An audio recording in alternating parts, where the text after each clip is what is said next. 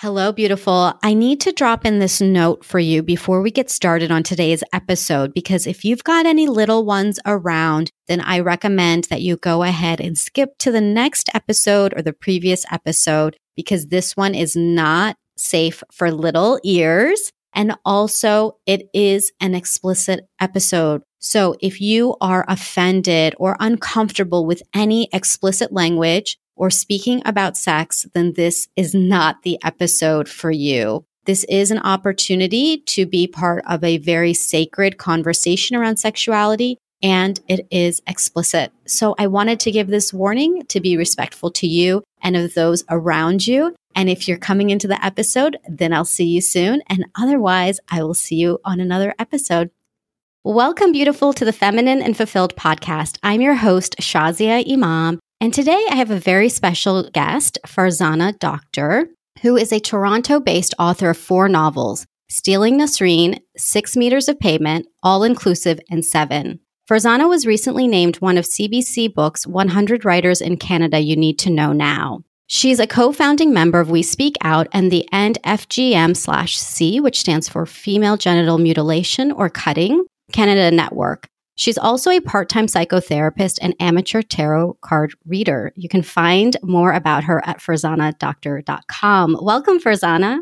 Oh, thank you, Shazia. It's such a pleasure to be on your podcast. This is the first time that we're talking, and I had the pleasure of reading your book, Seven, your most recent novel that you wrote. And I have to say that I'm an avid reader, but in the last few years, I've really gotten tired of reading. I've, I've read so many, you know, personal growth books and I've just been in that genre for a long time. And I just haven't found a fictional novel that has really touched me the way that your book did. I finished it in two days. I could not put it down. It's a very substantial book, by the way. And I felt so connected to the characters learning about a culture that felt close to home to me and yet so different and learning about FGM as well. It was so many things all in one. So, first of all, I want to thank you for taking the time to put this beautiful novel out into the world. Oh, thank you for reading it. And I'm so glad that it was a quick read for you. And I really tried very hard I'm working with a complex issue, complex community, and I really wanted to fold some of the maybe more difficult issues into a good story, a page turning story. So I'm so glad it worked out for you. It did. And so for our listeners who are maybe already wondering, like, oh my gosh, did she say female genital mutilation? Yes. FGM is something that even myself, I didn't even know existed, honestly, until a few years ago.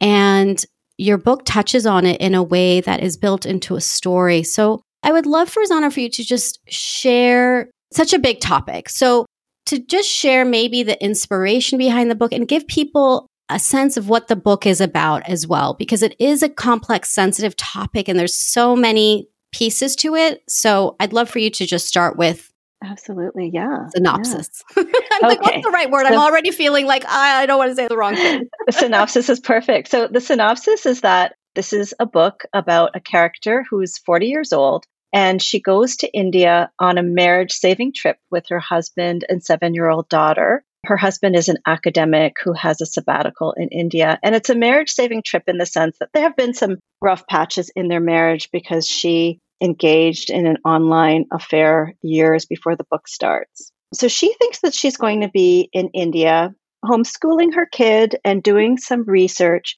about a revered ancestor. But what she ends up finding out is so much more about her communities as well as her own personal history. And she's in India in 2016, which is a time when there is a lot of controversy within the Dawoodi Bohra community about a practice called khatna. And khatna is a form of female genital cutting that happens in our community. So she's got to figure out, like, what does she think about all of this? And she's got two cousins who are on opposite ends of the debate. One cousin, Zainab, who believes it's just a normal cultural religious ritual. And then she has a cousin, Fatima, who calls it female genital cutting or mutilation and it's child abuse. So she's kind of whirling with all of this. And the inspiration came because I joined a group called We Speak Out, which is an activist group in my community in 2015.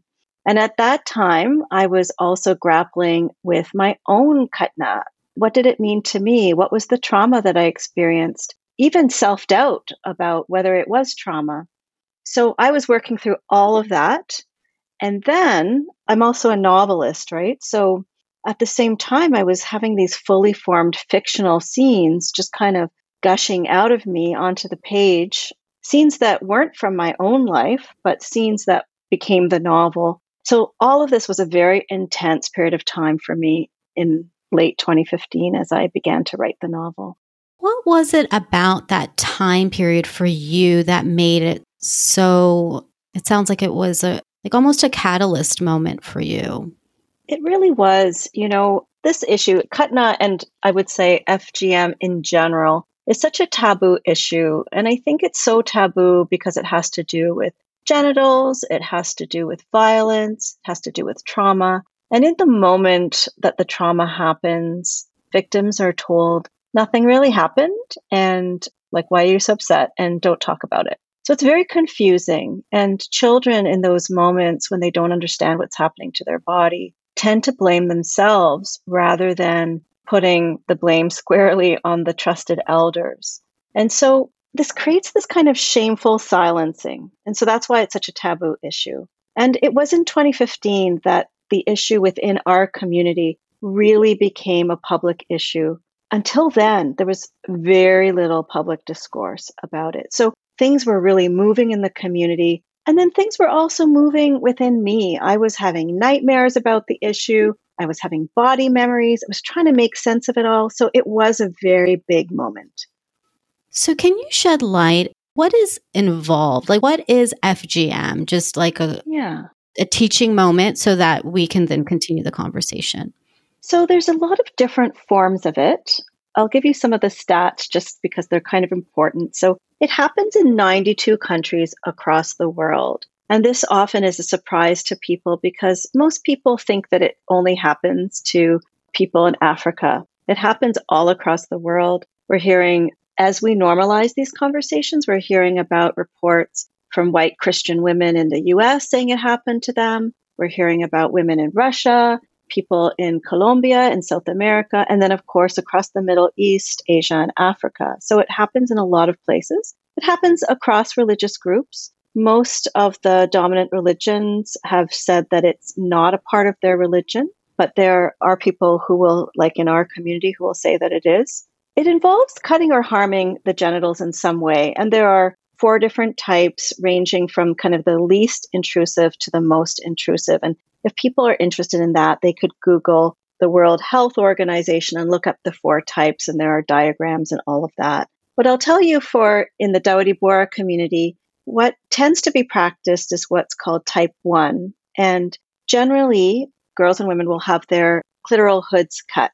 Now, there's no standardization to the practice, even if it's happening by a medical professional, which is the least common way. Mostly it happens in home environments by amateur cutters there's no standardization. So sometimes it's just the clitoral hood that gets cut, and it might be a very kind of small cut, or it might be a very big cut. It might also be substantial damage to the clitoris in mm. addition. Mm. So it can be a lot of things. And it generally happens at the age of seven in our community, plus or minus a few years. It happens in a way that is very confusing. Kids are often not told that it's going to be happening. They're told some kind of a lie, like, we're going to a party or we're going for ice cream. And then this very confusing thing happens and then nobody talks about it. So I would say those are the mechanics. It's always women who are the perpetrators. Often men no, don't know anything about it. And that's complicated because this is a very patriarchal form of abuse. And yet the women end up being Mona Eltahawy, who's this feminist writer, talks about women being the foot soldiers of the patriarchy. So that's what mm-hmm. ends up mm-hmm. happening. And these are women who were victims themselves. So it's like a form of intergenerational trauma as well. And what are the long term ramifications of Khatna? So it really varies. There are some Khatna survivors who would say, nothing, I'm fine, no damage, I'm great. And then there are others who will say, I've had major impacts. So they can range from things like urinary problems, fertility problems, problems with orgasm, having too much sensitivity in the clitoris. Mm-hmm. So, the other thing is, we don't have a lot of stats. There's been a couple of qualitative studies in our community, and somewhere around 35% of women will say that they have had like really big impacts to their sex lives. Another 30 odd percent will say that they don't know if there have been impacts. And I think that's because we just have really bad sex education. Probably globally, we have bad sex education, but in our community in particular. So sometimes people don't even know what to expect from a sex life. And what's yeah. the origin or the thought behind this community tradition? So, across the globe, what seems to be the overarching thing is that it's to control women's sexuality. So, somehow, women's sexuality is considered to be dangerous, problematic, something that must be controlled. So that's what happens across the world. And so that also is what's happening in the Dawoodi Bohra community. And, you know, the people who are doing it really don't think that they're causing harm. As I said earlier, it wasn't until 2015 that there were public conversations about it. So I would say that until 2015, people could really say, oh, we really didn't know. Now, after five years, I think it would be very hard for them to claim that kind of ignorance as, you know, more and more survivors are coming forward to talk about the potential harms that it can cause. Yeah, you know, I'm asking you a lot of questions too that I actually learned in the book. So I wanted to make sure our audience is also learning as well. And, and one of the things I appreciated about the way that you spoke about in the book and weaved it into the story is that it's not a very black and white conversation. I think it, you know, of course, from a media perspective, it feels like, oh, this is horrible. And yes, in many ways, I'm just thinking, you know, from the long term impacts, what can happen. It's still not black and white. And the nuances around it, just the way you described Zainab, Fatima, and the main character, just just that shows the way that look even a very controversial issue can have a multitude of viewpoints. And I found that unveiling that you did to be very fascinating. It was so important to me, you know, because, you know, for sure, like when I'm writing a tweet about it, I'm going to say this is terrible.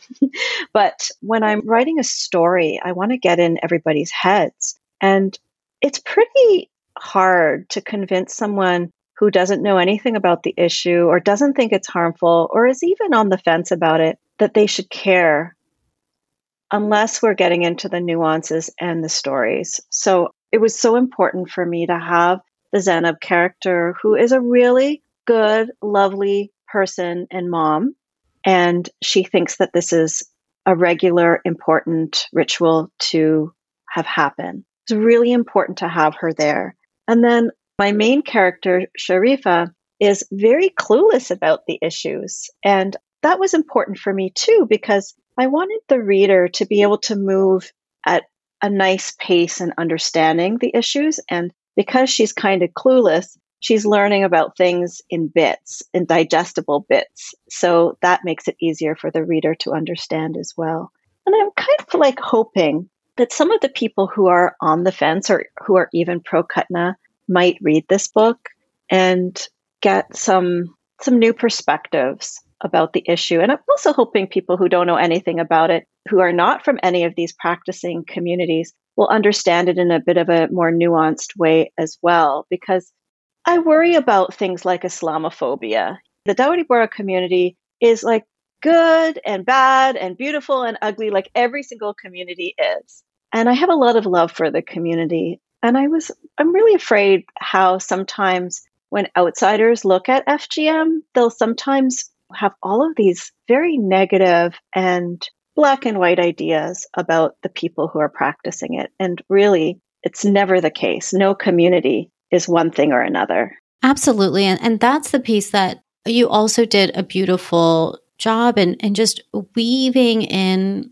again, you know, all communities are complex. You can't just for example, with FGM, just say it's terrible. And so the people performing it are horrible people because they believe that they're doing something good. It's just when you start to understand and go into the intricacies of just human dynamics, what we believe to be right or wrong is still contextual. yes, can I say from my perspective, I mean, I just can't fathom it. I also understand it's an ignorant thing for me to say. And oftentimes I feel like in a lot of discourse that we have, especially here in the West, we like to determine that the way that we think about things is the only way. And we forget that there is cultural, historic, and even sometimes religious context that that is driving the way that people do things. And so to have this kind of a conversation can't just be just a very um, one sided conversation. There's really more to it. And especially like to then decide that, oh, well, this community is like this. No, you know, I mm-hmm. learned a mm-hmm. lot in this book too about the Dawoodi Bohra community, which I resonated with a lot of things in the community. I could really feel the character of each of Zainab, Fatima, and Sharifa. Like I could feel it. I could feel it in myself and the people I know. You know, I've grown up as a Sunni Muslim and I didn't really know about the Dawoodi Bohra community. I didn't know. And so I felt connected in some ways and other ways I felt like,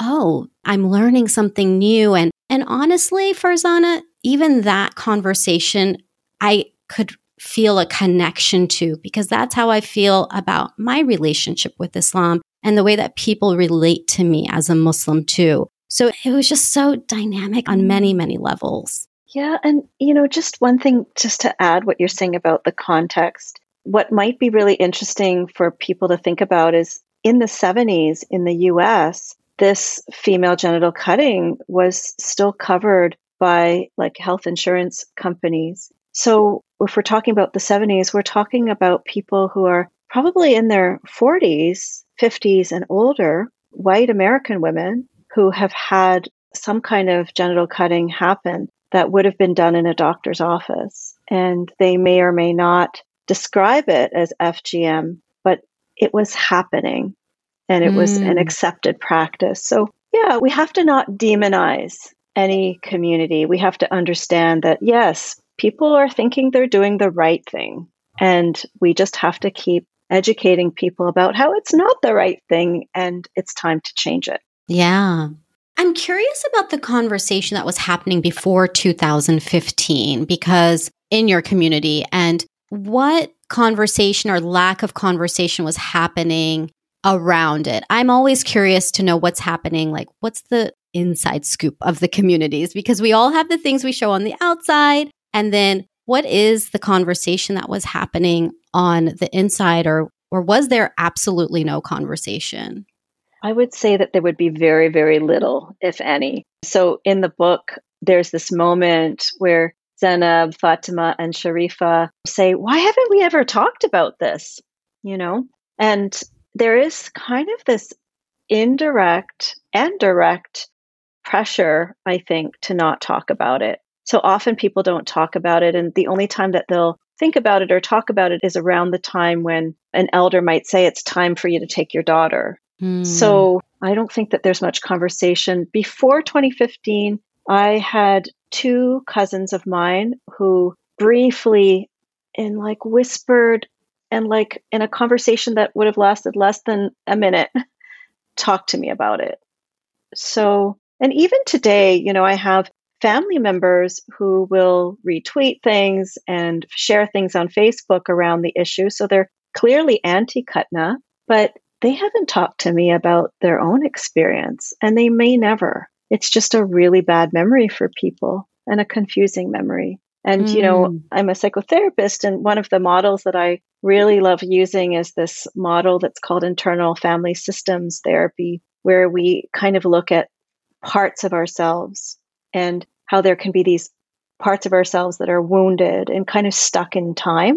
And I think that when we're victimized in these kinds of ways, we sometimes have these wounded parts that are stuck in time and are, are really unable to speak. So the adult mm. self might be willing to speak, but the child self cannot until that wound is healed. There was something you said earlier too about when it happens to the child, she takes on, like, she blames herself. Can you share more about that? Mm-hmm. It's just a really common experience I think for any child who is experiencing any kind of trauma where there hasn't been any adult assistance. So you have this terrible, confusing thing happen to your body, you might not even know what's happening or what that part of your body is even called. And then if the adult sort of gaslights you and denies that anything is happening and doesn't comfort you and seems kind of tense in the whole dynamic and then tells you to keep it a secret, you're very much left to your own devices, your own child mind. And children don't like to, I won't say don't like, because it doesn't even feel like a choice, I think. Children will just blame themselves. I must have done something. This must have something to do with me. I, there must be something wrong with me. There's something shameful about me. Because to blame the adult, especially the adults we're dependent on who make up our, the safety of our world, if we blame them, we are disrupting the safety of our world, right? To say, like, the adults are doing wrong shakes our world. So instead, mm. you know, we just kind of say it must be us. Yeah, big sigh. Yeah, I can just feel the weight of that for like every girl who's had to experience that. And I, I would say for any child who's experienced any form of abuse, emotional, physical, sexual, any kind of traumatic experience that they haven't been able to process with adults, they're probably in that situation too. Hmm. I just have tears in my eyes Farzana. Like I'm, yeah. I'm just being really transparent because I just can't imagine. I really can't, and it just makes me really sad for yeah. girls, and yeah, especially it's, from such a young age to be shamed in that way. It's so hard to fathom, right? How people could think that this was normal or correct behavior. Yeah. Yeah. And there's so many things that we can point to in the way that girls have been shamed and caused to feel like there's something wrong with their sexuality. I mean, uh, I don't know. I'm getting so emotional. I'm not a crier Farzana. Like this is not this is not usual. I've never cried on an interview, but it's just the truth of the moment. Yeah. And just also one way to normalize this a bit more, because you probably heard, like I keep generalizing, I really see FGM on a continuum of patriarchal violence that mm-hmm. happens to girls as well as non binary kids to control sexuality. So it's on that same continuum as sexual harassment, as rape culture, even the fact that women are earning 73 cents to the dollar. So it's all in the same continuum of diminishing mm-hmm. the feminine so, what we're really talking about is patriarchal violence more so than just this one specific form. I mean, my book takes up this one specific form because it's important to also get into specificity, but that's what we're really talking about. And that's something that is very heavy, probably to anyone who's listening, and particularly for women and non binary folks who are listening. Yeah. And you put the word so beautifully. I mean, that's the piece. I mean, today we are talking about FGM, which is, I mean, I can't imagine. And it's also just like you're saying, it's part of this overarching issue of, gosh, like just the way that women's bodies and just the way we've been socialized in so many ways. And it's not particular to any one group. It is just, it's across the board and how we normalize it, how we make it okay, how we are perpetrators of it and we continue it is it's just really sad to me. I mean, clearly this issue is very important to me because I care about being feminine and fulfilled. And when our sexuality is tampered on in any way, shape, or form, then how can we be fully liberated? How can we fully be expressed if this divine part of ourself is in some way traumatized? Yeah. Whatever that is. Yes, absolutely. And so I think this is why sexual healing is so important. And one of the things I've been thinking a lot about, you know, early in my activism around this issue, I was very much focusing on the harms because that's what we need to educate people on. But I've been kind of shifting my focus lately, and it's in the book as well. I've been trying to shift my focus more around what does sexual healing look like for FGM slash C survivors? And so, one of the things that, of course, happens in the book is that there's some stuff happening in the sex lives of the main character and her husband, and he's very much pushing her to open up in this area. And I have been thinking about this too, like also as a survivor, what are the areas where I still need healing? Where have I maybe done enough healing? I've just recently started writing a column, a, sex and relationships advice column for FGM slash C survivors called Dear Mossy. Mm. And hmm. I'm really curious about like how do we liberate ourselves from this? And what will happen once we do? like we become so powerful when we do. Mm-hmm. And it is possible. It is possible to heal from this. It is possible to have amazing sex lives after this. So I want to put that little note in there. Because I am mm-hmm. curious, of course. I mean, I'm really curious as to how can your sex life, like, I know it's different, like you were sharing for different women, but yeah, what is the possibility for women? Yeah. So again, you know, some women would say, I've got a very rich sex life, so I'm okay. But for those who don't, the healing journey is going to be different for everybody, right? Because we're all so different. But it's very similar to the healing journeys of people who have experienced any kind of sexual trauma. So there's a wealth of knowledge and research and self help books out there. So I would encourage people to look at things like how to be mindful during sex, mm. how to learn how to take control over your body and your sexuality. We've all learned that, particularly if you're heterosexual or bisexual and you're with men, we've learned that somehow sex is for men and that we're supposed to be giving something, you know, offering something, and it's sort of for them. So it's about like turning over all the myths that we've learned about sexuality, number one, and then just noticing how does our body respond, both in pleasure, but also in trauma responses. So one of the things that was really important for me was learning how to pause when I was having a distressing or freeze or hypervigilant kind of trauma response, pausing, grounding, and only continuing when I was ready to do that. And that's that's something I have my characters learn about in the book as well. So that's one method. Also, I think survivors can really learn so much about their bodies by just getting out a mirror and sending really good vibes and some really good messages to their own genitals. That's an area that a lot of people don't even look at and will have these kind of unspoken, maybe unconscious negative ideas about this part of their body. So, what if we consider whatever mm. our genitals look like as beautiful, as sacred as ours.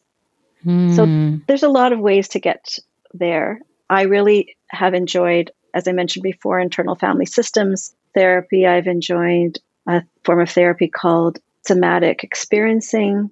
Mm-hmm. So, so yeah, where it's focused on the body. When you're saying it's somatic, focused on the body. Mm-hmm. Yeah, because trauma really gets stuck in the body. So we need to have our bodies on board as we're doing the healing. Yeah. So, a question about the bodily experience. So, I love what you're sharing. And by the way, I love talking about sex. So, I'm like, yes, let's just talk all day. um, this is the part of me that if we have time for another conversation another day where I felt like I can't really do this, you know, as a Muslim woman, but it is my truth. And my question for you, Farzana, is that from a biological perspective, I mean, I know you can't speak for everybody, but can the body heal after FGM to be able to reach a climax? Like, does the body have the capacity to heal from this? Yes. So that's okay. a very hopeful thing. Because when you think about the clitoris, if, if you've seen those cool 3D models that are out these days about the clitoris, so the part that is getting damaged is just that tiny, like pea sized nub, but it's actually like much bigger, right? Mm-hmm. 20,000 nerve endings. That's right. That's right. So it's much more complex than just that little nub. So, yes, yeah, so it's very possible to heal. And all of this comes from the individual doing some exploration on the body. So, there might be parts that hurt to be touched, there might be parts where you feel nothing. And then there are going to be parts where you can explore some sensitivity. Now, with different mm. forms of FGM, so there are women, for example, who have had a chunk of it sliced off, and then there is a, a surgery that can liberate the clitoris so that more of it can be exposed. And so some mm. women feel, you know, much better after having that surgery. Some women choose not to have that surgery because they found lots of other ways to explore pleasure. Also, if we understand that like pleasure is in all of our body, not mm. just in that multi branched clitoris, you know, there's so much to explore. Yes. So, absolutely, there's room for healing. Okay, I'm so relieved to hear that because I know our bodies are very miraculous. And so, what I'm hearing is, of course, when there's sexual trauma of any kind, as you've emphasized, of course, there's that piece that gets to be worked through, you know, as relates to each woman or individual. But there's a part of me that feels a sense of relief that from a physical perspective for the majority of women that they can experience sexual pleasure again. Mm-hmm. Mm-hmm. And it's a process and it's work, right? Because when we've experienced trauma, a part of us just doesn't want to go there. We just mm-hmm. want to avoid, right? That's a great coping strategy, or we want to dissociate. So it does take a lot of care. It takes maybe a really good therapist. It also is really helpful to have a partner in the journey, a really supportive partner who can be with us and witness us and help us in the process. Hmm. Oh, well, I so appreciate you, Farzana, today for being so honest and really teaching us about a topic that is very sensitive, rightfully so. And thank you for being open and just coming on and sharing today, and especially for writing this book. I highly recommend your book to every single person who's listening right now. It's Seven. The title is Seven by Farzana Doctor. We'll have a link to it on our show notes. I learned so much and this is it's really important to understand this topic. So thank you so yeah. much, Farzana. Oh, my pleasure. And just to reinforce for your listeners, while we've had a very heavy conversation today, the book is also lots of fun. I like to let Oh, it is lots of fun. I'm like, I don't want to say anything because I'm like, I'm going to give away so many spoilers, but there's a reason I read it in two days. Like it's, it's juicy too and fun. But I liked the juicy parts. I'm going to be honest. yeah, the juicy parts have some BDSM in there. So I always like to let pe- pe- people who enjoy talking about sex, I like to tell them about that. Yeah, yeah, that was fun to write. yes, I was very, I really enjoyed that part. I was like, oh, okay. Mm-hmm. and yeah, it was it was a lot of fun. Each of the characters, I just I just loved being in it. It is really a well written book. It is a page turner, and it just job well done Farzana. Really, Thank truly. You. I know it's not easy to write a book and to have such a sensitive topic and to make it so interesting on so many levels. It was so good. Well, thank you so much. I really appreciate you reading. Thank you. And how can people find you and connect with you further? I'm at just at Farzana Doctor, F A R Z A N A Doctor, everywhere on social media. And the book, just for people to know, is available in regular paper as well as ebook. And there's a beautiful audiobook version that has been narrated by a couple of Indo Canadian actors and they've done such a cool job, like with all of the different accents and voices. It's just amazing. I'm so impressed with them. oh my gosh, I didn't know about that. I can only imagine it really coming to life. Just reading it, it felt like it came to life. So, mm-hmm. oh, the Audible must be amazing. Yeah, it's great. well, thank you so much, Farzana, for joining us today. Thank you.